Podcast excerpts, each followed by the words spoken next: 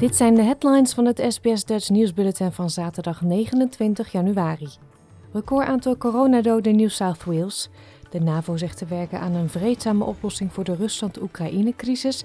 En advocaat Max Moscovic overleden.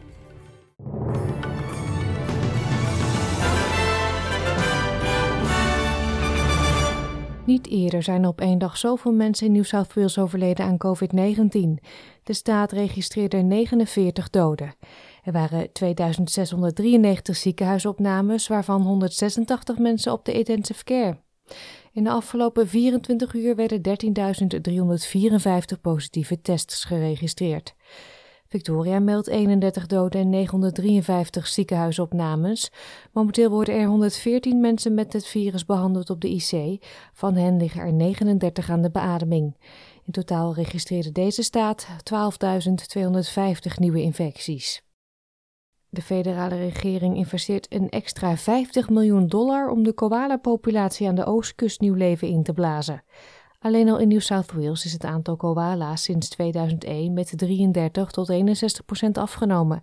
Het geld zal de komende vier jaar worden toegewezen aan een nationaal herstelplan voor de koala's.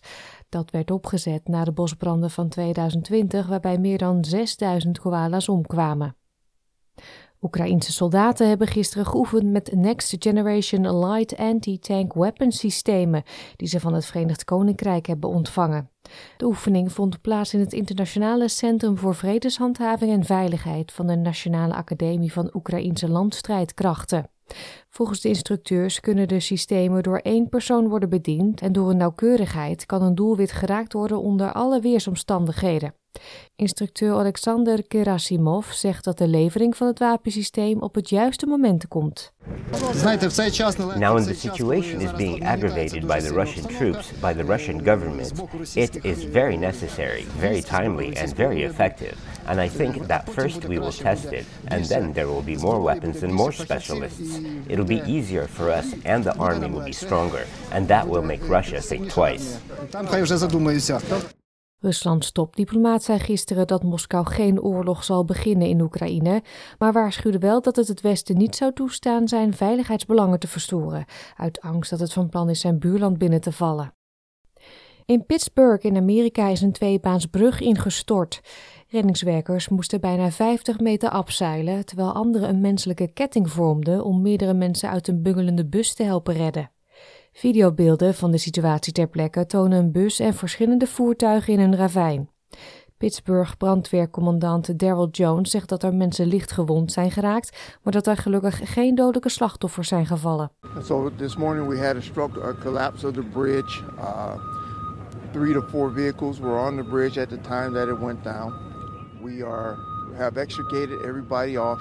As the mayor stated, there were uh, 10 minor injuries. Three were transported, none were life-threatening. De brug stortte gisteren in, enkele uren voordat president Joe Biden de stad zou bezoeken om te praten over zijn investering van 1 biljoen dollar in infrastructuur. Het geld is onder meer nodig om duizenden bruggen te versterken en wegen en spoorlijnen aan te pakken. De Amerikaanse minister van Defensie Lloyd Austin zegt dat er nog steeds ruimte is voor diplomatie als het om Rusland gaat en dat het Amerikaanse ministerie van Defensie diplomatieke inspanningen zal blijven steunen. Well, we don't believe that President Putin has made a final decision to use these forces against Ukraine. He clearly now has that capability. And there are multiple options available to him, including uh, the seizure of cities and significant territories, but also coercive acts or provocative political acts like the recognition of breakaway territories.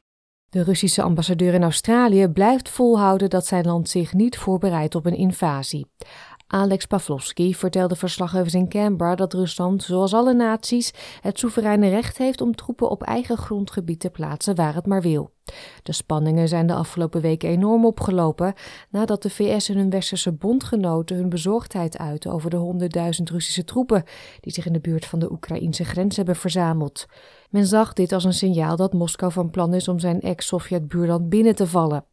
Pavlovski houdt vol dat de troepen geen bedreiging vormen, maar eerder een waarschuwing is aan het adres van Oekraïne om geen roekeloze militaire avonturen aan te gaan. You cannot say there is a Russian aggression.